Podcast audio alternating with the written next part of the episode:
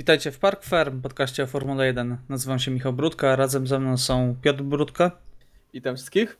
i Iwo Lubowski. Cześć wszystkim. W końcu rozpoczął się sezon Formuły 1. E, możemy powiedzieć, że Formuła 1 wróciła w pełnej krasie e, i wróciła w wielkim stylu naprawdę, bo był to fantastyczny wyścig. Zgadzacie się z tym? W końcu. To jest, to jest wyścig otwierający, na jaki czekałem. I no, moim zdaniem jest to świetny prognostyk na to, co się będzie działo, ale mówię, ja wolę to ocenić po trzech wyścigach, nie chcę się napalać, natomiast no, czekam z niecierpliwością na kolejny wyścig. No tak, zgodzę się w pełni, że ten wyścig, e, no dawno tak, em, takiego emocjonującego wyścigu na start sezonu nie mieliśmy, szczerze powiedziawszy. Jednak e, mimo, że start sezonu w Australii był taki mocno klimatyczny i mimo tego, że te wyścigi zazwyczaj nie były jakoś bardzo emocjonujące, to miło wracaliśmy właśnie do tamtego toru, tak tutaj Bahrain naprawdę nam o dziwo dostarczył bardzo dobre ściganie. No właśnie, dwa wyścigi w zeszłym e, roku, nie tak dawno, zresztą było pod koniec sezonu, e, były fantastyczne. E, Tutaj kolejny fantastyczny wyścig. Nagle okazuje się, że Bahrain to jest miejsce, w którym po prostu Formuła 1 pokazuje się z najlepszej strony. Dziwo, bo przez lata było na odwrót, że te wyścigi w Bahrajnie to były Procesje. takie, na, który można było przysnąć. No, pomijając te dwa wyścigi z zeszłego roku, to ja jedynie pamiętam rok 2014 i tą walkę pomiędzy Hamiltonem i Rosbergiem, a tak To nie był to- 16? A nie pamiętam, Mm, 14 może. 14. Nie, nie, to był Przepraszam. 14. Pierwszy Okej. rok hybrydowej ery, także Okej, okej. Tak, Mój to był jeden wtedy z pierwszych wyścigów i to był pierwszy wyścig w Bahrajnie w nocy. Bo wcześniej wyścigi w Bahrajnie były w trakcie dnia rozgrywane. E, No i wtedy to, to był fantastyczny wyścig, głównie przez świetną walkę i emocjonującą walkę między Rosbergiem i Hamiltonem. Natomiast tutaj mieliśmy taką rywalizację na e, wielu poziomach. E, Nie tylko, no i przede wszystkim na szczycie walkę, tak? Zażartą walkę, walkę nie tylko między kierowcami, między zespołami, ale też między strategami, tak? E, Bo tutaj, no nie ukrywajmy, Lewis Hamilton wygrał nie tempem wyścigowym, tylko, e, tylko strategią. Tym, że udało się przechytrzyć tutaj Red Bulla, albo Red Bull przeszacował swoje siły, e, bo przedsezonowe przedsezonowe zapowiedzi i to nasze takie tonowanie nastrojów okazało się prawdziwe, tak? Red Bull w Bahrajnie był najszybszym bolidem. Tak, w pełni się zgodzę, że w, e, nawet trochę e, zbyt pe- pesymistycznie mi się wydaje, że podchodziliśmy, bo tak jak w kwalifikacjach dobrze to e, przedstawiliśmy, że Red Bull będzie na, najszybszy. Tak, w trakcie wyścigu wydaje mi się, że mm, też duży wpływ na tempo wyścigowe, na, tak, na końcowy rezultat w wyścigu miał, e, miały problemy Maxa Verstappena w pierwszej części wyścigu. On tam miał e, problemy bodajże z, z dyferencjałem. E, I e, również e, spryt i bardzo dobrze odrobiona praca domowa ze strony Mercedesa i Lewisa Hamiltona, jeżeli chodzi o limity toru e, w zakręcie numer 4. E, Także myślę, że e, te dwa czynniki wpłynęły dosyć mocno na końcowy rezultat i ja osobiście tempem Red Bulla, e, jeżeli chodzi o wyścig tempem wyścigowym, jestem naprawdę pozytywnie zaskoczony. Ja jestem nawet szokowany, bo jak przeczytamy wypowiedzi po wyścigu, to dowiemy się, że w kwalifikacjach przez uszkodzoną podłogę Max Verstappen stracił 1 dziesiątą, gdzie już tam dołożył prawie 4 dziesiąte Lewisowi, albo powyżej 4 dziesiątych. E, w tych okolicach na pewno. E, Natomiast w wyścigu te problemy z dyferencjałem kosztowały ich 30 sekundy e, na okrążeniu. Także gdyby mm, nie te problemy, to myślę, że Mercedes nie byłby w stanie tutaj niczym zaszachować Red Bulla, bo byłby po prostu zbyt wolny. Co jest sensacyjnym zdaniem, które w ostatnich latach nie mogliśmy absolutnie tego powiedzieć. Szczególnie, że, szczególnie, że jest to tor, silnikowy.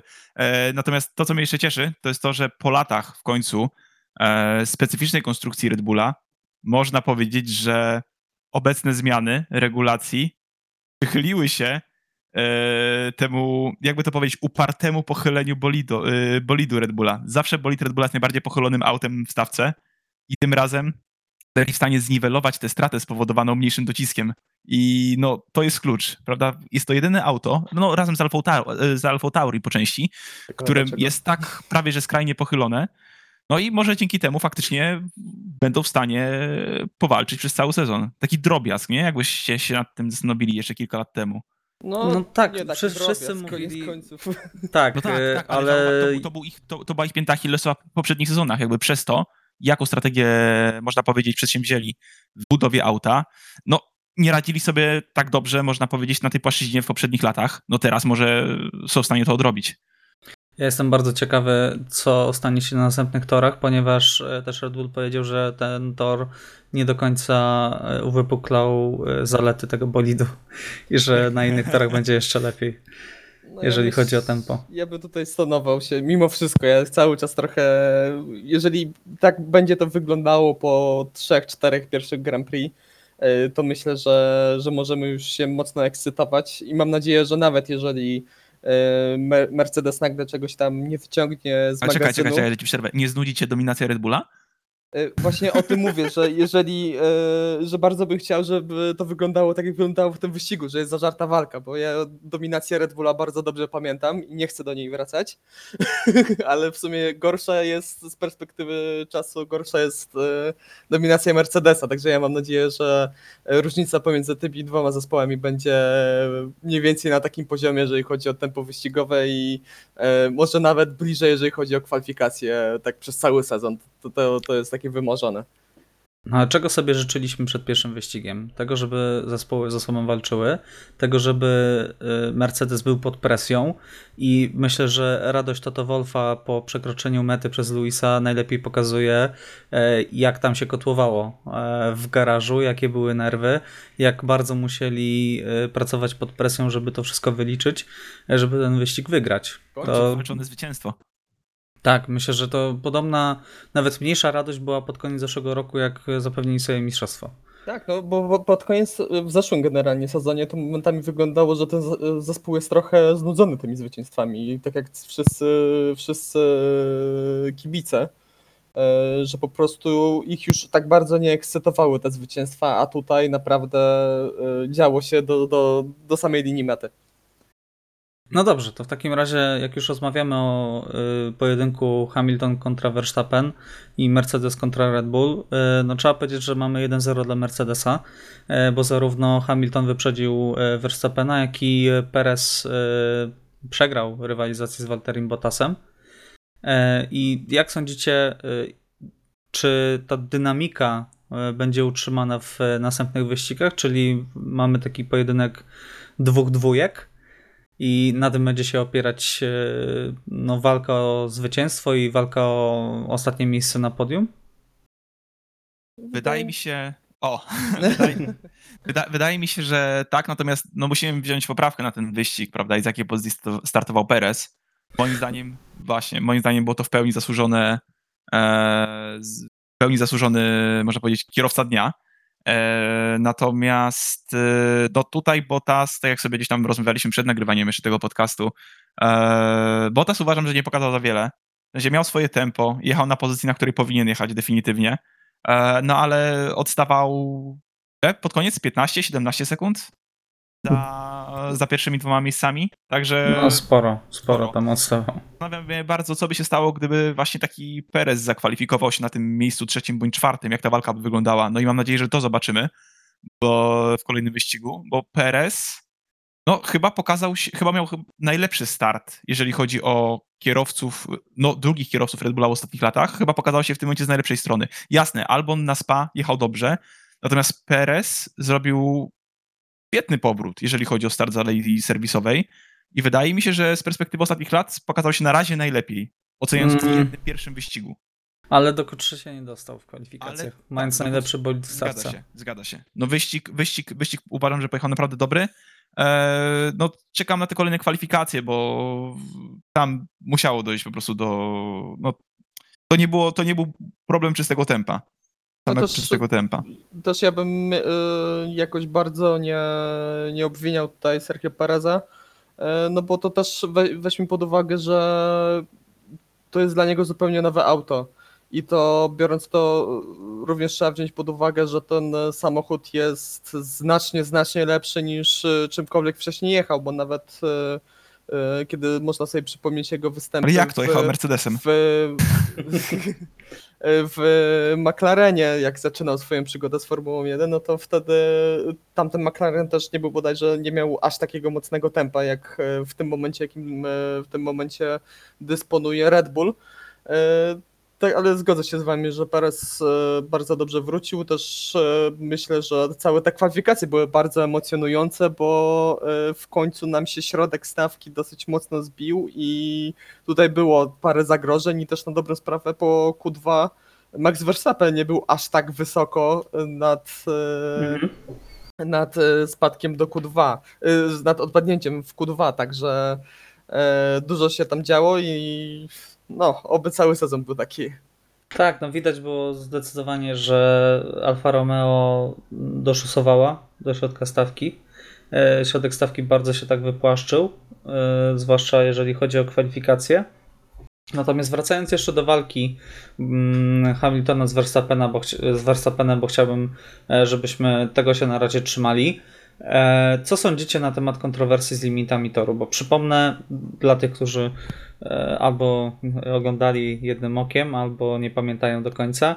E, Lewis Hamilton przez pierwszą część wyścigu 29 razy wyjechał poza tor w, w zakręcie numer 4. E, Natomiast było to określone jako w przepisach, jako przepisowe, tak, na ten moment. Red Bull to zauważył, powiedział Maxowi, żeby zaczął e, wyjeżdżać poza tor, też, też ścinać, tak, ten zakręt, wyjeżdżać poza, e, poza limity toru, e, będąc dokładnym. E, Natomiast później poszła informacja do dyrekcji, że jednak tam wyjeżdżać nie można e, i żeby już tak nie robili. Po czym Max Verstappen wyprzedził Louisa Hamiltona wykorzystując, wykraczając poza limity toru i musiał mu tę pozycję oddać, co było bezpośrednim e, komunikatem od e, pana Masiego, co też często się nie zdarza. E, No i wybuchły kontrowersje. Max miał trochę na gorąco pretensji, że mógł jechać dalej, mógł go nie puszczać. Dostał pewnie 5 sekund, a 5 sekund by nadrobił. Także jakie jest Wasze zdanie na ten temat? Bo po raz kolejny mamy kontrowersje dotyczące no, niespójności sędziów, tak? Bo myślę, że na tym to się głównie opiera. Tak, Piotrek, jak tam sądzisz? Tak, dokładnie. No, ja kompletnie nie rozumiem na początek z- założenia tego, bo e, zarówno w treningach, jak i w kwalifikacjach w tym zakręcie były dosyć mocno e, przestrzegane te limity toru. Kasowane I czasy były były po kasowane prostu. czasy, po prostu. Po czym ja w ogóle nie rozumiem, czemu sędziowie założyli, że w wyścigu y, już tego nie będzie. Praktycznie cała stawka założyła, że no jeżeli w treningu i w kwalifikacjach tego przestrzegamy, no to przestrzegamy tak również tego w trakcie wyścigu. Y, I tutaj brawa, tak jak już wcześniej powiedziałem, brawa dla Hamiltona, brawa dla e, Mercedesa, że wyłapali to, że w trakcie wyścigu można tam wyjeżdżać i to nie jest, ja tutaj w ogóle bym nie obwiniał e, Mercedesa i Hamiltona za to, za to co robił, bo mógł to robić i to robił, mm, wykonywał to bardzo dobrze i cały czas zyskiwał tam czas. Totalnym skandalem dla mnie jest to, co się stało w połowie wyścigu, że nagle sędziowie zmienili decyzję. I to jest dla mnie niezrozumiałe i to jest naprawdę no, takie To jest kolejny żałosne przykład- po prostu, że Kol- tak, że kolejny trak- przykład zmieniania decyzji w trakcie wyścigu, tak? No, jak można zmieniać zasady w trakcie, w trakcie po prostu trwania widowiska, tak? No, to tak jakby, nie wiem, e, sędzia e, w piłce nożnej uznał, że od 60 minuty można do, dotykać piłki ręką. no akurat temat ręki to w piłce nożnej to, to jest bardzo grząski No temat. tak, ale, ale- przykładowo, tak? Tak, no to- to, jest dla mnie kompletnie niezrozumiałe, że taka decyzja została podjęta i to ja myślę, że głównie to zostało podjęte przez to, w jakim tonie była ta komunikacja radiowa pomiędzy Verstappenem a y, inżynierem wyścigowym, bo nie wiem, czy to też wyłapaliście, ale mi się wydawało, że oni w tych zdaniach po prostu wbijają, w każdy, z każdym zdaniem wbijają kolejną szpilkę właśnie sędziom. Że na początku dostaje Verstappen informację, a po czym Verstappen y, odpowiada, no jak to, no ale y, przecież w kwalifikacjach i w treningu tam nie mogliśmy wyjeżdżać, teraz też nie powinniśmy wyjeżdżać. Także, także myślę, że to też mocno wpłynęło. A jeżeli chodzi o wyprzedzanie Ma- Maxa Verstappena, to ja się w pełni akurat tutaj z sędziami zgadzam, e, bo tutaj jest złamanie zupełnie innego punktu regulaminu. To było wyprzedzanie poza torem. e, Max Verstappen był czterema kołami poza, poza torem i co do tego moim zdaniem nie ma żadnych kontrowersji, bo od razu mi się przypomniała sytuacja z e, w 2012 roku, kiedy Sebastian Vettel wyprzedzał też na ostatnich okrążeniach e, Jensona Batona. E, I również to zrobił e, na wyjściu z zakrętu i również wtedy wyjechał czterema kołami poza tor i wtedy otrzymał karę. Teraz też mi się wydaje, że tutaj Max Verstappen powinien oddać tę pozycję i zrobił to słusznie, także tutaj akurat... No widzisz, a na przykład y, Lando Norris się nie zgadza, bo jego zdaniem y, w momencie, w którym Verstappen wyjechał poza tor, y, był już przed Hamiltonem. Jego zdaniem to nie powinno wpływać na to, że powinien oddać pozycję. Że wyprzedził, był przed nim, natomiast y, przekroczył limity toru już w momencie, w którym był przed Hamiltonem i ten manewr jego zdaniem się już zakończył. No, nie do końca mi się tutaj zgodzę, że się Zupełnie manewr inną linię, zakończył. obrałby zupełnie inną linię, gdyby miał tak naprawdę nie wyprzedzić poza torem, na dobrą sprawę. Dokładnie, dokładnie, bo po prostu musiałby wejść w zakręt z, wiele, z mniejszą, no może nie o wiele, ale z mniejszą prędkością, no bo równie dobrze można, nie wiem, w jakichś większych łukach, w linie, w takich ostrych zakrętach wlatywać praktycznie na o wiele większej prędkości, wyprzedzać kogoś, a później sobie wracać gdzieś tam dookoła po asfalcie, jak to teraz w Formule 1 zazwyczaj jest i no dobra, spoko, ja go wyprzedziłem, zanim wyjechałem na tor, to już byłem przed nim. No, nie wiem, ja uważam, że no, jak tutaj byli w zakręcie, no to baner wyprzedzania to bierzemy pod uwagę cały zakręt i dopiero na tej prostej, zanim e, bierzemy to pod uwagę, jak Max Verstappen wyjechał, no to no, wyprzedził poza torem. Czytałem też bardzo Konsekwencja, no. Tak, niekonsekwencja sędziów tutaj, bo jak dodamy je to jako mm, ten nakaz oddania pozycji, to jest jedna sprawa, ale to, że się wydarzyło to w takim miejscu, w jakim się wydarzyło już były Tak. wcześniejsze kontrowersje, to myślę, że też zupełnie inaczej wpływa na odbiór tego całego wydarzenia, tak? Bo z tego jednego zakrętu, z tego jednego wyjścia się robi taki punkt zapalny, tak? Który spowodował, że Verstappen po pierwsze stracił w pierwszej części wyścigu, e, przez co w drugiej części wyścigu miał więcej do odrabiania. E, No a po drugie, kazano mu oddać pozycję i już tej pozycji nie odzyskał, tak? No dokładnie. Znaczy, no, jeżeli chodzi o oddanie pozycji, no to jest bardziej taka powszechna praktyka w Formule 1 i to nie jest... Coraz rzadziej tak jest. Kiedyś to bo- było bo- bardzo częste. Tak, bo wprowadzono te kary 5-sekundowe i yy, teraz jak chcą uniknąć tych 5 sekund, no to wtedy oddają pozycję, a kiedyś to zamiast 5 sekund dostawałeś karę przejazdu przez aleję serwisową. A tak, I... aż mi się przypomina sytuacja z Monce chyba? Oglądałem Jak kiedyś taki Al- wyścig. Alonso y, z Kubicą się tam... y, Alonso wyprzedził poza torem Kubicę. Tak, Kubica E, odpadł, nie oddał mu awarię. pozycji. Tak. y, Kubica miał awarię y, i Alonso nie był w stanie mu oddać tej pozycji. No to dostał karę przyjazdu przez, przez aleję. Tak, Tak, takie to były czasy w Formule 1, jeżeli chodzi o To karę. niesprawiedliwość, Jezus. jak, jak tak wracam, tak jeszcze na sekundkę zmieniając temat, ja, jak tak wracam pamięcią, to aż się dziwię, że tak późno wprowadzili te 5 sekundówki, bo to jest naprawdę niedorzeczne się rzeczy czasem działy. E, oj tak, zdecydowanie. To wystarczyło lekko przekroczyć przepisy, to, to już od razu przejazd przez e, aleję każdy serwisową. ma taką samą szansę, żeby przejść przez aleję w sumie, ja się zeruję. No, powiem ci, że jak ktoś bardziej przegiął, to od razu był ten stop and go, także to już było totalne Oj, no. zabicie e, szans. e, Zwłaszcza, że Formuła 1 w tamtym czasie była dużo bardziej wyrównana. E, Dobrze, wracamy do, e, do meritum, wracamy do Grand Prix e, Bahrainu. E, Zostawiamy, myślę, że Hamiltona, Verstappena, Mercedesa, Red Bulla. E, Tylko mogę dodać jedną rzecz jeszcze, że e, ciekawa, ciekawostka taka, że e, można się zastanawiać, czy Verstappen, e, gdyby miał jeszcze jedno okrążenie, to by wyprzedził Hamiltona, a to jedno okrążenie by miał, gdyby nie awaria Pereza. Przez co przejeżdżali jeszcze jedno formujące. To fakt. To w sumie aż, aż zapomniałem o tym, szczerze powiedziawszy. E, tak, czy chcielibyście coś dodać jeszcze do tego? Czy zamykamy temat? Czekamy na więcej, jakby. Dokładnie. Dokładnie. Mercedesa i Red Bulla po myślę w dwóch wyścigach jeszcze. Tak, dziękujemy i prosimy o jeszcze więcej. Prosimy o więcej, tak jest. E, dobrze, to pogadajmy o tym, co się działo e, poza dwoma najlepszymi zespołami. E, mamy bardzo ciekawą sytuację w środku stawki. E, mamy bardzo silnego McLarena, który jednak, szczerze powiedziawszy, troszkę mnie rozczarował, bo patrząc na te czasy, na te zapowiedzi szumne, na ten dyfuzor, który miał dawać im szansę, miałem nadzieję, że y, będą bliżej w wyścigu, bo w kwalifikacjach byli bardzo blisko. To trzeba, to trzeba przyznać, bo tam różnice były naprawdę bardzo małe. Tam e, Lando ma, o mało co nie wyprzedził Walteriego Bottasa. E, dobrze pamiętam? Tak.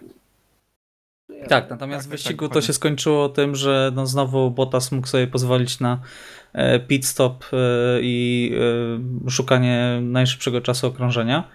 E, Natomiast e, Ferrari e, też pokazało się z bardzo dobrej strony. Mm, Sporo punktów, dużo walki na torze.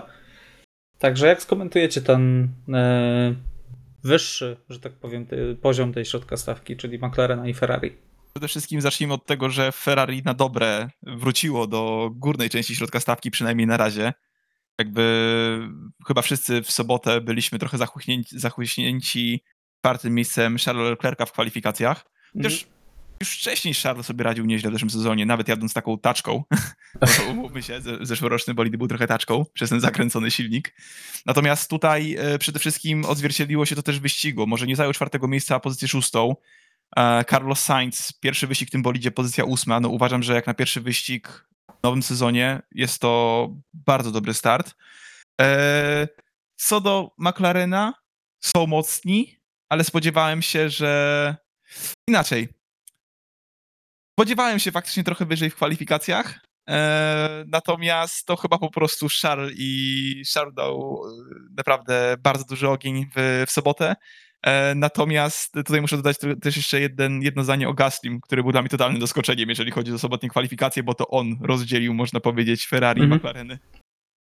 Także tego tam się nie spodziewałem. Natomiast wracając do tej dwójki, wydaje mi się, że będzie to trochę nudne, jak powiem, że ponownie lepiej będzie, łatwiej będzie ocenić po kolejnych dwóch wyścigach, ale no widać, że się odkręcili. Widać, że Ferrari się w końcu odkręciło, także mi się wydaje, że będzie szansa, żeby stanąć na podium w tym sezonie. No wiesz, w zeszłym sezonie też się to udało, wiem, nie? Ale no, teraz liczymy na częściej. E, Nawet słyszałem opinię, że y, kogoś chyba z rodziny Ferrari, e, że fajnie byłoby wygrać jeden wyścig w tym sezonie. Co jest taki, myślę, że może się zdarzyć, tak? Może. Jak Jak najbardziej. Max ma walczyć z Hamiltonem, to szansa się pojawia. w zeszłym sezonie mieliśmy parę takich szalonych wyścigów, kiedy w czołówce coś, się- coś się działo. W pierwszej trójce wtedy. E, zobaczymy, czy to czwórka będzie w tym sezonie. E, I czemu nie? Myślę, że Ferrari ma szansę, jeżeli wszystko się ułoży po ich myśli i raz na ruski rok uda im się trafić z dobrą strategią, to myślę, że naprawdę mają szansę, może nawet wygrać w tym sezonie. I też jestem pozytywnie zas- zaskoczony i mam nadzieję, że podciągną tempo, e, tempo wyścigowe, bo widać, że e, przynajmniej w Bahrajnie w kwalifikacjach na jednym kółku byli o wiele szybsi niż, e, niż było to e, niż było to później w niedzielę w wyścigu. Mhm. A co do O. Makla- McLarena jeszcze tak e, szczerze powiedziawszy, ja się spodziewałem, że oni właśnie mniej więcej będą na szczycie tego tej tak zwanej środka sta- tego tak zwanego środka stawki.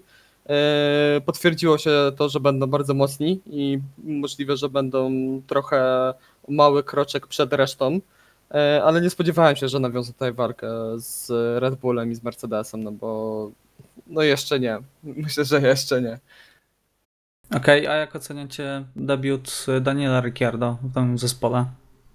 Bardzo na plus moim zdaniem. Tak, bardzo pozytywnie. Przede wszystkim, przede wszystkim e, kwalifikacje, których wygrał z Lando Norrisem. Może nie, nie jakoś wiele, ale jednak jest to pierwszy, pierwszy weekend wyścigowy dla Daniela Ricciardo w tym bolidzie. Wyścig no, w porządku. Konkurował z szybszym Ferrari, konkurował z Sergio Perezem, który przebijał się z tyłu stawki. Także wydaje mi się, że te, to siódma pozycja dla Daniela Ricciardo naprawdę jest jak najbardziej sensowna. bo Ferrari wróciło, umówmy się. Gdyby nie to, byłaby szóstka. Także ja chcę widzieć jak najwięcej zawodników bijących się o tę pozycję, a nie pewne zaklepane miejsce, na przykład tylko i wyłącznie dla kierowców McLarena. No tak, no myślę, że myślę, że wszyscy tego chcemy. Tak. Im bardziej wyrównana stawka, tym więcej emocji, im więcej emocji, tym mniej podsypiania w niedzielne popołudnia, tak? E, w, następnych, e, w następnych tygodniach. E, dobrze, e, w takim razie e, jest jeszcze jeden zespół, który nas bardzo pozytywnie zaskoczył, Alfa Tauri, i który miał trochę pecha w wyścigu, mam wrażenie, bo tutaj Pierre który fantastycznie pojechał w kwalifikacjach, no popełnił mały błąd, który go bardzo dużo kosztował i skończył, skończył w drugiej dziesiątce na samym końcu, praktycznie nie skończył nawet wyścigu. Pod koniec tam e, zjechał. E, Yuki Tsunoda, który debiutował i myślę, że e, pokazał się z bardzo fajnej strony. Jak sądzicie właśnie, Alfa Tauri to będzie taki, nie chcę mówić czarny koń, ale takie pozytywne zaskoczenie tego, tego sezonu? Pytasz cię, czy mają szansę wygrać jakiś wyścig? Nie, nie, aż tak daleko nie. Mają, mają, powiedz tak, mają szansę wygrać jakiś wyścig. E, Czarny koń? Znaczy, to jest dla mnie taki środek-środek stawki w tym momencie, faktycznie. Jakby oni są w stanie, może nie tyle, nie tyle można powiedzieć, e, chodzić zaraz za, jechać zaraz za tam Red Bullami i Mercedesami, no bo wiemy, że to jest w tym momencie niemożliwe. Musieliby skorzystać chyba z czerwonych flag, jak w zeszłym roku na Monzie. Natomiast są w stanie, myślę, regularnie bić się z takim McLarenem czy Ferrari. No to jest coś, na co liczę w tym sezonie, że po prostu będą mogli z nimi powalczyć, a nie tylko powiedzmy za nimi jechać. No i Yuki Tsunoda, który wyprzedza Fernando Alonso. Tak. E, też bardzo debiu- I zdobywa dwa punkty w debiucie, także Tak, też. to też trzeba zaznaczyć. E, Okej, e, to przechodzimy dalej, zrobimy sobie, jako że to jest pierwszy y, wyścig sezonu, to zrobimy takie podsumowanie formy y, zespołów. Myślę, że możemy sobie na to pozwolić. Pewnie. E, Natomiast później już oczywiście będziemy się zajmować e, bliżej e, wydarzeniami na torze, poza nim. E, Przechodząc dalej, e, no, mamy trochę rozczarowań, bo mamy e, Alpin, który swoim bolidem o dosyć barokowych kształtach. Biedny Alonso w słabym bolidzie, tak to wyglądało. Tak, trochę tak to wyglądało. Awansował Alonso do Q3, walczył dzielnie, ale skończyło się e, skończyło się brakiem dojazdu do, e, do mety. Tak. E, no Fernando pokazał, że nadal to ma. Prawda? Tak, to było dla mnie największe pozytywne zaskoczenie tego wyścigu, jeżeli chodzi o kierowców, bo tam wiadomo, jak wiemy jak pojedzie Max zawsze, wiemy jak pojedzie Hamilton zawsze, ale Alonso był dla mnie największym pozytywnym zaskoczeniem, mimo że nie pałam sympatią do tego kierowcy, tak na to, że kurczę, on wrócił po dwuletniej przerwie, siadł do bolidu, który jest stosunkowo wolny, przynajmniej w stosunku do tego, czego się spodziewaliśmy, no, pozamiatał. Jak na to, czym jechał? Uważam, że pozamiatał. No w kwalifikacjach e, w, Q, w Q1, e, bo na Q1 się skończyła przygoda Estebana Ocona w sobotę, e, dołożył prawie że se- sekundę Estebanowi, także po takim powrocie, tym bardziej, że Esteban już, już trochę zna to auto, to myślę, że naprawdę duży plus. No i bardzo duży pech e, w niedzielę, bo to, że Hamulce akurat tyłu, prawda? To były. tak, yy, woreczek foliowy wpadł do kanałów hamulcowych i Yes. s- hamulce się przegrzały, także bardzo duży pech tutaj Fernando i myślę, że... e, Brzmi jak jakiś sabotaż po prostu. Tak, tak, tak. E, I myślę, że naprawdę Fernando Alonso mógłby zdobyć w trakcie tego wyścigu punkty, bo jechał bardzo, bardzo dobrze. No ale... Natomiast ale, Esteban ale Ocon- spodziewaliśmy się Renault, e, przepraszam, Alpin. Nie w tym miejscu chyba spodziewaliśmy się Alpin. Tak, tak. Myślałem, że Alpin będzie bliżej, bliżej właśnie tutaj McLarena, McLarena. bliżej tutaj Ferrari, a naprawdę Brakowało mocno tempa. tak, ba- ba- bardzo im brakowało tempa. Już się odgrażają, że za rok e, będzie bardzo A, tak, mocno, tak, czytałem tę ale... wypowiedź. Ale w zeszłym roku było już tak dobrze. Jezus. E, No to wymyślili nowy design, który najwidoczniej nie wypalił do końca w pierwszym wyścigu. Zobaczymy, jak będzie w kolejnych. Oby, bo ja bardzo lubię, jak któryś zespół tak mocno odbiega swoim tutaj, swoim projektem e, od reszty stawki, także ja im mocno kibicuję, zobaczymy jak to wyjdzie dalej. Fajny nos. Fajna budowa. No, wizualnie 9 na 10, tak? Natomiast jeżeli chodzi o performance na torze, no to takie no, 5, myślę 6 maksymalnie. E, dobrze, e, odnośnie ładnych bolidów, które nie do końca szybko jeżdżą, Aston Martin, Hmm. no, ogromne rozczarowanie, myślę. E, tutaj zespół, który no, szalał w zeszłym sezonie, oficjalnie mówi, że stracił przez te nowe regulacje całą sekundę, po czym ludzie z Mercedesa w kuloarach mówią, że oni tyle tracą, bo nie rozumieją bolidu Mercedesa, który otrzymali w zeszłym roku. E, tak, tak, takie plotki krążą. To ja tylko powtarzam plotki. Oczywiście to nie są oficjalne e, informacje z zespołów, także Najwidoczniej E. potrafią tylko kopiować. tak, Ctrl-C, Ctrl-V. Natomiast, żeby to zrozumieć, to już tak, tak średnio. E, bo taki ładny. Tak, taki ładny. Natomiast e, jak skomentujecie Sebastiana Vettela? Miało być super, A. miało być pięknie, a no było fatalnie. Strasznie, straszny moment powodujący ciarki. Powodujący ciarki wstydu. tak jak sobie też wcześniej o tym wspominaliśmy. E, z tego względu, że to po prostu był ewidentny błąd Sebastiana Fettela, jakby nie Znaczy, mówimy, mówimy oczywiście o momencie, w którym wjechał w Piera Gasly'ego. Tak dodajmy kontekst.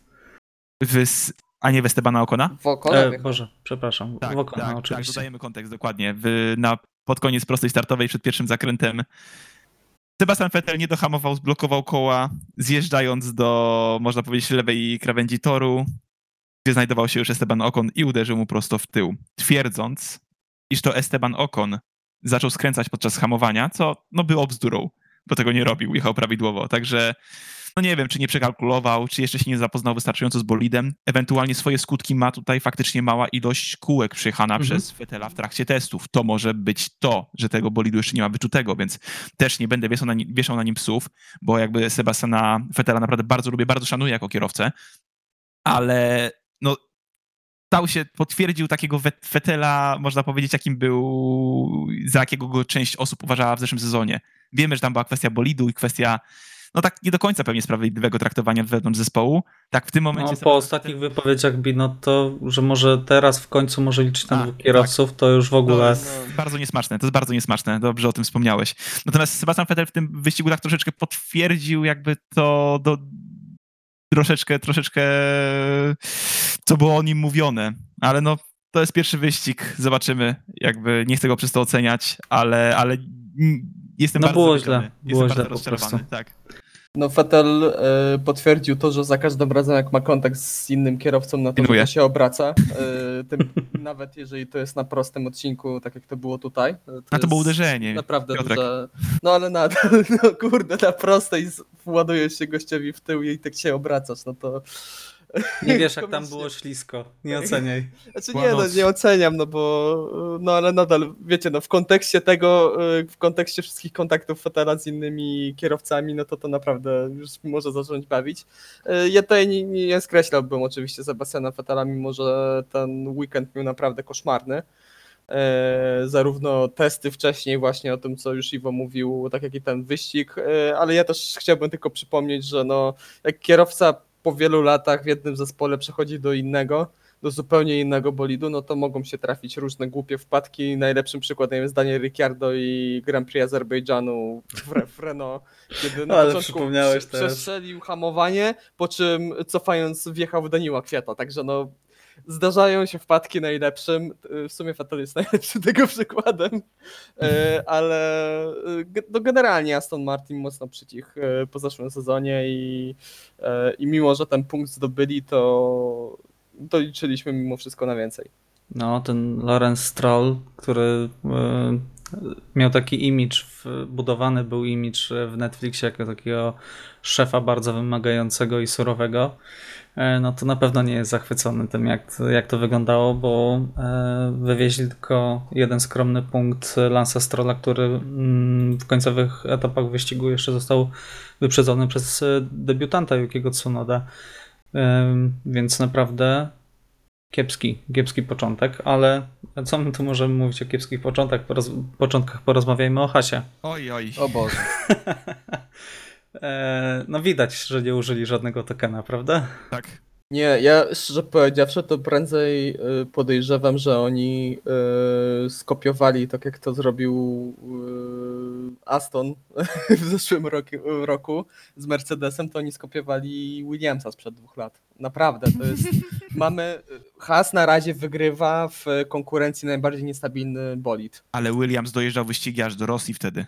No bo mieli. Ale jakich kierowców Bo, mieli? bo mieli jaki- jakiego- i ja- Russella, właśnie, no to kierowców mieli? mieli kierowców, którzy potrafią bardzo dużo, a tutaj mają dwóch debiutantów, e, z czego no, różne zdania są na ich temat mimo wszystko. E, I to te pierwsze okrążenia w tym wyścigu, no to pokazało, że to jest tragedia z hasem. To już nawet nie chodzi o tempo. Nacisnął y, na wyjściu z zakrętu gaz i się obracają. No, to jest po prostu niesamowite. I to, Przecież w zeszłym sezonie tak nie było. Te bolidy są podobne, jakby nie patrzeć. No, nie było wielkiej rewolucji w Teraz są przepisach. podobne, tylko że gorsze. Opony się trochę zmieniły. Opony się trochę zmieniły, jak zmieniali bolidu, to było bardzo możliwe. A wszyscy wiemy, jak y, fantastycznie współpracował Haas z oponami i jak bardzo szerokie okno pracy miał ten bolid. Oj, y, tak. A oni bardzo nie chcieli żadnych zmian właśnie. Dokładnie. Pią- piąte miejsce w kwalifikacjach, 17 w wyścigu. No dokładnie, tak, także, także Haas ma, ma problem y, z oponami Pir- Pirelli i jeżeli oni nic nie zmienili, a te opony się zmieniły, no to możliwe, że będziemy taki taniec na lodzie oglądali w wykonaniu kierowców Haasa do- przez cały ten sezon. Bardzo będę go nie chciał, no bo mimo wszystko jakoś trochę pałam sympatią do tego zespołu e, i mam nadzieję, że jakoś przetrwają ten sezon, ale no będzie bardzo, bardzo cię, ciężko i mam nadzieję, że Nikita Mazepin przyjedzie w, na Imori sesję bez obrotu, bo Oj, to tak wysoko stawiasz poprzeczkę? To już trochę, no trochę to źle wyglądało. Oczywiście to, co powiedzieliśmy, że jeden i drugi bolid y, jest strasznie ciężki do prowadzenia i bardzo źle się prowadzi, ale no Nikita już trochę narozrabiał w ten pierwszy weekend. Oj, mimo tak. wszystko. Już I- a- i w kwalifikacjach, ja i w wyścigu. nie obwiniam, szczerze mówiąc, za to zdarzenie na pierwszym zakręcie. E, Mm, nie, bo nie, tutaj- nie, ja wiesz co bardziej mówię Ale interne- o ale tak, tak, tak. kwalifikacjach. Ja bardziej Ale- mówię tutaj o kwalifikacjach, w których wyprzedził dwóch kierowców. e, Nie dżentelmeńsko, przy- zaznaczmy. A, to dżentelmeńsko, nie dżentelmeńsko, wiadomo, że to już tak działa albo nie działa. Najwolniejszym, wyprzedził dwóch kierowców najwolniejszym bolidem w stawce, nie? Tak, i się obrócił na pierwszym zakręcie, także. Zepsuł okrążenie Fetela między innymi wtedy. No, ale Ojej. has, has fatalnie, no. Mamy nowego Williamsa, chyba. W końcu! Ktoś inny. Tak, dokładnie. Tylko pytanie czy, pytanie, czy Williams zajdzie w punktach, nie? Czy tylko będzie wyżej dojeżdżał? Będą punkty dla Williamsa w tym sezonie? Myślę, że tak. Myślę, że trafi się wyścig, zwłaszcza, że mm, który był George. George był na miejscu 14, także całkiem przyzwoicie. y, Wyglądał ten ich bolid. Może to nie jest jakaś rewolucja, bo oni już wszyscy z końca stawki, czyli właśnie Haas, Alfa Romeo i, i Williams mówią, że stawiają wszystko już na 2022, także tutaj raczej przytasowań nie będzie. Ale że ci e, trochę Mhm. wejdę w słowo Michał, ale e, nie wiem, czy wy też macie takie wrażenie, że w większości, e, że to jest bardzo wygodna wymówka.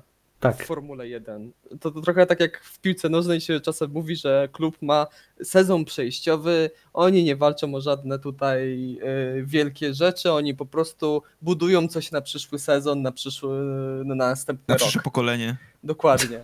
Tak samo w Formule 1 bardzo często, jak już y, zespół widzi, że jest gorzej niż w zeszłym roku przez pierwsze 4-5 wyścigów i wiedzą, że nie nadrobią tego, nie wrócą na stare pozycje, no to mówię, dobra, my się już skupiamy na przyszłym roku, wy już nas negatywnie nie oceniajcie, sponsorzy nie denerwujcie się, bo za rok będzie lepiej. No dobra, ale z drugiej strony jednak y, no, mamy przed nami największą rewolucję w przepisach od 2014 roku. No tak, tak. tak I Alfa otwarcie, Alfa, która wygląda przecież dobrze. Y, Wylądował Raikkonen dwie sekundy za y, punktami. Y, Giovinazzi też nie był jakoś strasznie daleko za nim. Alfa wygląda dużo lepiej niż rok temu. Wasser cieszy się, że dołączyli do środka stawki. Natomiast oni mówią, że no, dadzą jeszcze jakieś tam małe poprawki i to tyle, tak? Y, Głównie dlatego tłumaczą to bardzo ciekawie zresztą, y, że mieli problemy y, w 2017 roku, kiedy zmieniano po raz ostatni tak sporo przepisy i wtedy ich bolid był wolniejszy o 4-5 sekund i chcą uniknąć tej sytuacji, gdzie na, na dobrą sprawę tamtą stratę z 2017 roku odczuwają do dzisiaj. No, no wtedy, o Jezu, Oj, 2017 ten i Zauber wtedy był fatalny. No, to był taki has trochę. Widzę, że te miana najgorszego zespołu będą się zmieniać. E, Już, już nie mówimy tak o Williamsie, mówimy tak o Hasie. E, Dobrze, o Alfie Romeo trochę wspomniałem. Przyzwoity początek, czekamy na więcej. Myślę, że tutaj nie ma za bardzo e, więcej do, się do skończyło. mówienia. Tak, e, Williams jeździ lepiej niż wygląda. Nie wiem, czy zgodzicie się z tym No, ale tezą. też, mówmy się, mają już doświadczonych kierowców, można tak powiedzieć. No tak, tak. Młodych, ale doświadczonych. Tak, no, tak. George już trzeci sezon zaczyna, także już może się dzielić yy, wiedzą na różnych prezentacjach. I został teraz przewodniczącym yy, kierowców, tak? Yy, Zastępując Romana Grożana. Także też to pokazuje, że te prezentacje muszą być świetne, skoro, skoro go wybrali. CV. Ale nie, no żarty na bok, jakby Tak, no, widać jest- było już w zeszłym sezonie, że chłopak jest gotowy, żeby ścigać się Mhm. w najlepszych bolidach. Tak, no Bahrain to potwierdził, no to jak najbardziej. To tutaj George y, no, ucementował mi się swoją pozycję jako y, bardzo dobry kierowca. Nie powiem jeszcze fantastyczny, świetny, ponieważ pamiętam Świata. E, nie, nie, to aż tak daleko nie pójdę, ale bo przypominam to, co się działo, te e, obroty za safety carem i tak dalej. Niewykorzystane sytuacje i fatalne starty. E, natomiast e, no, Bahrajnie pokazał, że ma tempo, tak. Mm, także ciekaw jestem, co, co dalej się wydarzy. I to chyba tyle, jeżeli chodzi o Grand Prix Bahrajnu. Powiedzieliśmy trochę słów o każdym zespole. E, czy chci, chcielibyście coś jeszcze dodać? E, Coś tutaj może umknęło, jakieś wypowiedź? E, ja mam jedną wypowiedź jeszcze, taką bardzo toksyczną, ale dam wam je najpierw O, głos. to mnie zaciekawiłeś teraz. No wypowiedź Helmuta Marko. A ja, jeżeli chodzi o Niemożliwe. toksyczność, myślę, że możemy tutaj po prostu nastawić ucho i Helmut słuchamy. Helmut Marko powiedział, że Max Verstappen w tym bolidzie by w kwalifikacjach pojechał 0,2 sekundy szybciej niż Pierre Gasly. Także Dlaczego? Po co? W jakim celu? Naprawdę. no, i- niezbadane są wyroki po prostu pana Helmuta. Człowiek jest przynajmniej specyficzny. No, dodaje kolorytu. Współpracować. Tak, dodaje kolorytu. Już Daniel Ricciardo opowiadał, jak nazwał go idiotą, bo sobie uszkodził rękę przed testami 10 lat temu, albo i więcej nawet. Także Helmut się nie zmienia. Zawsze możemy liczyć na jakieś ciekawe wypowiedzi. Czy chcielibyście coś jeszcze dodać? Może mniej trochę toksycznego? Myślę, że Carlos Sainz pokazał się z dobrej strony. E, tak, No, słyszałem wypowiedź też dokładnie. e, pana Wilnewa, e, który lubi dodać Kolejny e, złotousty. Tak, kolejny złotousty. E, Ostatnio obchodził 50 urodzin, także wszystkiego najlepszego. E, Dla mistrza świata, jakby nie patrzeć, oczywiście. E, Powiedział, że e, Carlos Sainz będzie bardzo niewygodnym partnerem dla Leclerca, bo ma więcej doświadczenia w Formule 1. Jeździł z e, już e, topowymi kierowcami. Nie zapominajmy, że jeździł i z Alonso, i z. e, Z kim jeszcze? I z Verstappenem jeździł na przykład. E, Także e, tym doświadczeniem i doświadczeniem w różnych zespołach, bo też był i w McLarenie, e, i w Renault, i w e, Toro Rosso, tak? Dobrze pamiętam? Tak, zaczynał od Tarusa. Także tutaj mamy już masę zespołów, masę doświadczeń i może być niebezpieczny dla Charlesa. Co sądzicie na ten temat? Znaczy już kwalifikacje pokazały, wstępnie przynajmniej, że Carlos jest w stanie pojechać y, podobnym tempem. Po prostu nie jest jeszcze wjeżdżony, ale jak oglądaliśmy, nie pamiętam, czy to było Q1 czy Q2, e, kiedy Carlos praktycznie był jedną tysięczną za Charlem, Mhm. albo na odwrót. Ja byłem w bardzo głębokim szoku. Nie, to, nie tyle, że nie wierzyłem w Sańca, natomiast wow, to był jego pierwszy weekend wyścigowy w tym aucie. I naprawdę widać, że może z nim konkurować z Charlem. E, Natomiast no, musi się rozkręcić. Mi się wydaje, że to musi minąć ładnych parę wyścigów tak naprawdę, żeby doszło do jakichś walk na torze. I przede wszystkim, czy Ferrari dopuści do walk na torze. Znaczy, no to zależy, no oni nie walczą i nie Jak będą... Grande Strategia wiedzie, to no no to wszystko jest możliwe. Tutaj u nich ryzyko co? jest wielkie, prawda? Nie, wiesz co, myślę, że na dobrą sprawę, jeżeli coś, to mogą ich wstrzymać, jeżeli jeden będzie napierał na drugiego, ale oni tutaj bardziej będą walczyli po prostu o punkty i to myślę, że e, w niektórych wyścigach może się tak ułożyć, że oni będą po prostu walczyli nie o, nie wiem, 12, 10 punktów e, dla każdego kierowcy, tylko dwa punkty dla całego zespołu. E, Nie Także no, będzie lepiej. Znaczy, no zależy jak niektóre tory będą im e, podchodziły. Wiadomo, że tutaj z czołówki nam wypadła Alfa Tauri, która myślę, że to się tam, tam wróci. E, I zobaczymy, no, jak to będzie wyglądało. Ja też, biorąc pod uwagę, no, zeszłym, se- zeszły sezon też pozytywnie zaczęło Ferrari, no bo zaczęli od podium w pierwszym wyścigu, także no. Ale ile tam bolidów odpadło? No, no tak, Dziewięć. tak, ale no w kwalifikacjach też przecież Charles Leclerc się dobrze pokazywał w zeszłym sezonie. Charles jest niesamowity w Ferrari, to Tak. trzeba przyznać. Tak, tak, tak. To trzeba też podkreślić, że to, co Leclerc, jak Leclerc złoży naprawdę okrążenie i ma swój dzień, to myślę, że chyba każdego potrafi pokonać w równych samochodach. Okej, ciekawa teza. E, Będziemy na pewno bacznie się przyglądać e, postępom Ferrari E, i myślę, że możemy zakończyć dyskusję, żeby tutaj już też nie lać wody, mówiąc potocznie. E, Grand Prix Bahrainu było świetnym Grand Prix. E, Koniec, kropka. Natomiast e, mamy jeszcze do porozmawiania na inne tematy. Oprócz zapowiedzi kolejnego wyścigu, który już wkrótce, mamy przebudowę toru w Australii, która też jest, myślę, bardzo ciekawym tematem, bo Australia, mimo że nie była na początku tego sezonu, ma być pod koniec, nie, była, nie było wyścigu w zeszłym roku, e, to jednak jest jednym z torów, które ma bardzo dobrą opinię i bywały tam bardzo ciekawe wyścigi, może nie były jakieś niesamowite widowiska. Natomiast zdecydowano się na bardzo radykalne zmiany, które mają przyspieszyć ten tor. E, I e, przewidywania mówią, że czas okrążenia będzie około 5 sekund szybszy. Także to jest ogromna zmiana. E, Piotrek, co tam się wydarzyło dokładnie? No, usunięto jedną szykanę. e, Zakręty 9-10 e, zostały zmienione. To jest, to jest ta szykana przed takim łukiem w, pod koniec Drugiego? dr- no, Drugiego sektora. początek drugiego sektora mniej Tak. więcej, tam plus minus, wiadomo. E, I to jest taka największa zmiana. E, Jest również przeprofilowany zakręt numer 13. To jest e, te ostatnie dwa zakręty, zaraz, zaraz po właśnie początku trzecim sektorze, po tej bardzo szybkiej szykanie. I tam jest trochę poszerzona akurat i bardziej to wyprostowane. E, No widać, że tutaj e, chcą e, włodarze toru umożliwić więcej manewrów wyprzedzania już również w tym sezonie, no bo będziemy mieli teraz naprawdę dosyć długą prostą. I zobaczymy jak to wpłynie. Ja akurat za tą szykaną tych zakrętami 9-10 jakoś płakać nie będę, ale będę płakać za tym, że pobocze mają zostać wyasfaltowane.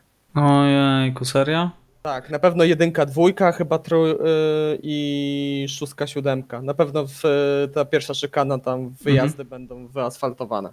To kierowcy, o jest, to ten tor w ogóle będzie ekstremalnie szybki. Znaczy, no to- to, to, to, nie będzie tak, że yy, wiecie, że będzie, nie wiem, kompletnie wszystko, ale no możliwe, że stanie się co, coś podobnego jak, yy, jak z paraboliką na przykład. No, Ja i- roz- ja za tym, i ja za tym strasznie, strasznie rozpaczam, bo wiecie, jakim jestem fanem żwiru. O, I różnej, różnej głębokości. Tak, dokładnie. E, I generalnie trawę i tego, żeby po prostu poza limitami toru, takimi powiedzmy naturalnymi limitami toru. Także no, pod tym względem jestem. No tak, no, nie mielibyśmy dyskusji na temat y, przekroczenia limitu w zakręcie czwartym. Gdyby tam był żwir, to po prostu by lądowali w dokładnie. żwirze i koniec. Było- Strata kilku sekund a, i uszkodzenie podłogi. No, byłoby to, co się, jak to wyglądało w przypadku Bottasa i walki Bottas-Verstappen na Imoli w zeszłym roku. To jest Mhm. najlepszy przykład. Tak. Iwo, a jak ty się zapatrujesz na Znaczy- zmiany w Australii? Moim zdaniem jakby ta zmiana szykany, bo to ona jest najważniejsza, ta dziewiątka, dziesiątka, czyli zrobienie z niej po prostu prostej, takiej lekkiej eski, e, spowoduje, że nie zobaczymy jakoś specjalnie większej ilości wyprzedzeń, bo dohamowanie do jedenastki, dwunastki, czyli tej chyba najbardziej popularnej eski na całym torze, jeden chyba najpopularniejszego zakrętu na całym torze, po prostu dohamowanie będzie mocniejsze, a manewry wyprzedzania są tam raczej rzadkością, więc nie ukrywam, nie spodziewam się, żeby wiele to zmieniło. No plusem jest to, że Haas będzie w stanie pewnie zrobić w tym roku zbliżyć się do najszybszego okrążenia z zeszłego roku. No, to, to, to, to gdzieś tam taki plus widzę. Natomiast tak, nie jestem fanem tych zakrętów jak Piotrek, czyli dziewiątki, dziesiątki, które zostają usunięte. Jest taka trochę dziwna szykana, szczególnie, że aktualne bolidy są już dosyć spore, więc, więc jest to poniekąd zrozumiałe. E, natomiast nie sądzę, żeby to spłynę, wp- wpłynęło na zmianę pozycji na torze, bo Znaczy- jednak hamowanie do tych esek będzie po prostu mocniejsze. Nie, mi się wydaje, jak patrzę teraz na tą zmianę, to mi się wydaje, że po prostu tam zostanie wrzucona strefa DRS. I, i to, Uuu. Przed tą eską strefa DRS? tak. Uuu, No, no, uuu. a teraz jej tam nie było? Przypadkiem? Nie, Nie, nie. była Nie po, wydaje mi się. po tej, po tej Tak, szykanie, po, tej, ale po, no, po SC była dokładnie jak, po re, 12 jak była DRS. z szykany i wrzucamy prakty- powiedzmy prostą, taką trochę profilowaną prostą, to ja myślę, że tam będzie strefa DRS, tym bardziej jak e, patrzymy na sugerowane e, strefy DRS na torze w Arabii Saudyjskiej. To mi się Jeddah bodajże nazywa. Nie, nie pamiętam. przypominaj mi tego toru na razie. To tam też są, tam, tam też są strefy, z- proponowane przynajmniej na chwilę, strefy DRS na takich Na całym właśnie torze. łukowych, no powiedzmy, na takich łukowych prostych, także my, no nie wiem, ja, ja, ja obstawiam, że tam będzie Przecież strefa cały DRS. tor jest łukową prostą, Piotr. No nie mówmy o tym torze, bo ja... Tak, Ale skupmy Może się się, zaskoczymy pozytywnie. Poczekamy. skupmy się na Australii. Ja szczerze powiedziawszy cieszę się na te zmiany też z punktu e, gracza, ponieważ nigdy nie potrafiłem wyczuć do hamowań do tych zakrętów. Do dziewiątki, za dziesiątki. No, może i za mało jeździłem, ale ta Ja zmiana dla mnie wejście. zdecydowanie na plus. No jakbym y, mógł zamiast tego odzyskać szykanę na Singapurze, to, to nie płakałbym. Tak. Ta szalona szykana w Singapurze była super. Mm. Ojejku, tęsknię. Dobrze, to w takim razie e, myślę, że temat Australii możemy zamknąć i możemy powoli e, porozmawiać o tym, co się dzieje, co się będzie działo e, w najbliższy weekend. Grand Prix Emilii Romani. Wracamy na tor Imola, na legendarny obiekt, który dostarczył nam wyścigu, który nas trochę podzielił. wyścig zeszłego sezonu. Nie znasz się. No, także zdania są podzielone ekspertów. Tak, my tuż przed rozpoczęciem nagrania już się zdążyliśmy ściąć z Iwo na ten temat, także my jest wielka niezgoda pomiędzy nami, jeżeli chodzi o ten I tor. Mola. Dziękujemy 2020 rokowi. Tak, e, dobrze, to jak, e, czego się spodziewacie po Imoli? E, Czy Alfa Tauri po raz kolejny wykorzysta te testy zeszłoroczne i będzie miała jakąś małą przewagę? Czy Red Bull, czy ta charakterystyka toru, e, komu będzie sprzyjać bardziej Red Bullowi czy Mercedesowi? Piotrek, jak byś to obstawiał? O, to jest e, ciężkie pytanie na dobrą sprawę, bo... bo Nie wiemy jeszcze, jakie tak, są mocne doku- strony, tak? Dokładnie, nie za bardzo jesteśmy w stanie powiedzieć, jakie są mocne strony. Bo silnik Hondy, też, też o tym nie mówiliśmy, ale silnik Mhm. Hondy uzyskał świetny upgrade i jest bardzo mocny teraz. Tak, no chociaż z drugiej A Bahrain strony... był silnikowy. Z drugiej strony Red Bull najwięcej zyskiwał e, nad Mercedesem w drugim sektorze. E, Także myślę, że tutaj będzie bliżej e, w kwalifikacjach. O wyścig ciężko mi się naprawdę wypowiedzieć, bo tutaj tempo wyścigowe, jak widzieliśmy w Bahrajnie, było o wiele bardziej zbliżone. No jeżeli, tak jak mi się wydaje, że ten tor będzie mimo wszystko trochę bardziej odpowiadał Mercedesowi, jeżeli e, to się sprawdzi, no to wydaje mi się, że w niedzielę Mercedes znowu może być górą. E, W kwalifikacjach może być e, ciasno, a jeżeli Honda naprawdę naprawdę jest taka mocna, jak, jak nam się wydaje, no to może to być e, weekend pod, e, pod dyktando Red Bulla.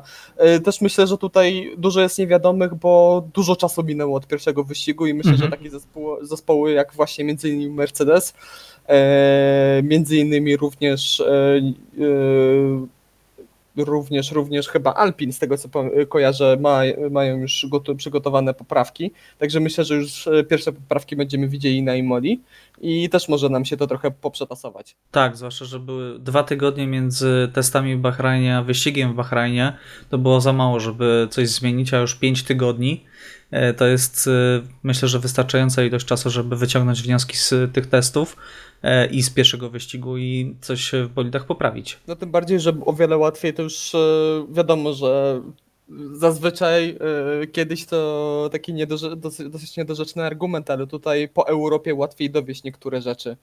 To też jest No tak. y, wtedy jak Kwestia logistyczna. Tak, no po, pod tymi wszystkimi obostrzeniami wiadomo, że jak tam było bardzo mało czasu pomiędzy testami a y, wyścigiem, to nawet wyprodukować, zaprojektować to i jeszcze jak cię mogę, ale jeszcze to jakoś przewieźć, no to, to też mógłby być problem.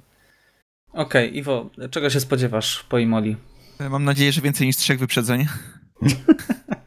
Pan Maruda przyszedł. Nie no, nie przekonacie mnie. Rozmawialiśmy wielokrotnie do, Imoli, do Imoli, mnie nie przekonacie. Po prostu uważam cały czas, że ten tor jest no, zbyt wąski na standardy dzisiejszych bolidów. Eee, no musiałbym No zobaczyć... na tą Alpin na pewno. A, tak, Alpin może mieć problem z zmieszczeniem Bo się w zakrętach. wetnę, wetnę ci się w słowo, Tak. możesz trochę być spokojniejszy, bo strefa DRS została wydłużona. Yy, I ona teraz będzie się nie zaczynała nie od yy, mniej więcej w połowy pit lane, tylko od linii start meta. Yy, I punkt, DD, yy, punkt pomiaru czasu do DRS-u będzie przed tymi dwoma zakrętami Rivaca. Czyli przed tymi dwoma ostatnimi zakrętami. Mhm, także, tak. tak, także tutaj jest, to, to daje szansę, że będzie że będzie więcej wyprzedzeń. manewrów. No tak, bo tam zauważyliśmy że w zeszłym roku po prostu samochody nie zdążyły dojechać nawet, żeby, Mhm. żeby na tym DRS-ie wyprzedzić. No zobaczymy.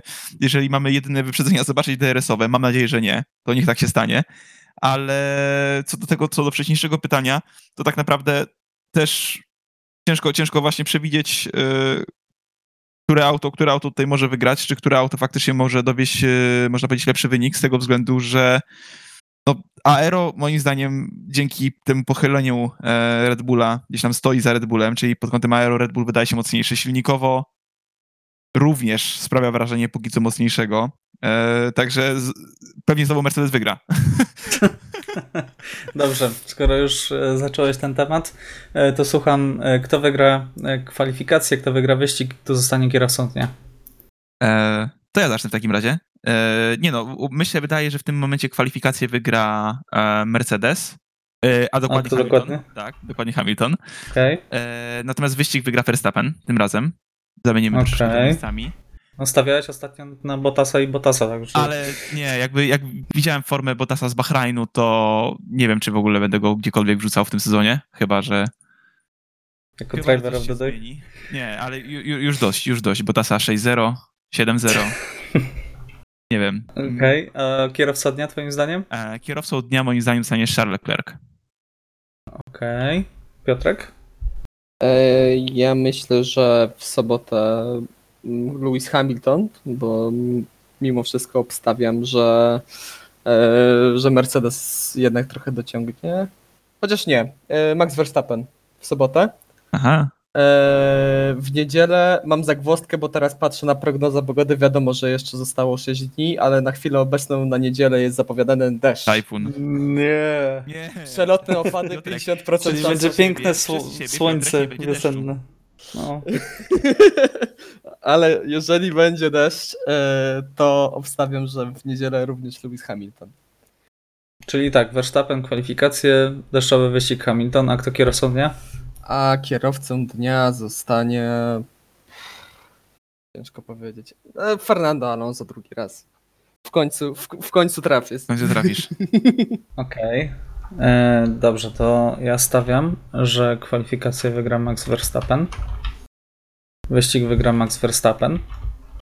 Więc Natomiast kierowcą dnia zostanie y, Pierre Gasly. Jak Pierre Gasly ma zostać kierowcą dnia, skoro wygra Max Bo Verstappen? będzie startować z 20 miejsca i przebije się na piąte. Jak A. to większość kierowców dnia. Tak. Także e, mamy swoje przewidywania. E, na razie w klasyfikacji prowadzi Piotrek, który jako jedna osoba wykwalif- e, zgadła cokolwiek. Czyli Ma zgadła kwalifikacje e, wygrane przez Maxa Verstappena. E, natomiast jest to początek sezonu, także nie- przykładamy do tego ogromnej wagi. Ciężko było przewidzieć, kto będzie najlepszy, kto nie będzie najlepszy. E, I to chyba tyle. Będziemy czekać z niecierpliwością. Pamiętajcie, że wyścig jest w Europie, więc kwalifikacje są o 15. Wyścig jest również o 15. E, Natomiast o Grand Prix Bahrainu i przebudowie toru w Melbourne rozmawiali Piotr Brudka, Dziękuję bardzo. Iwo Lubowski Dzięki, do następnego. i Michał Brudka. Trzymajcie się, cześć.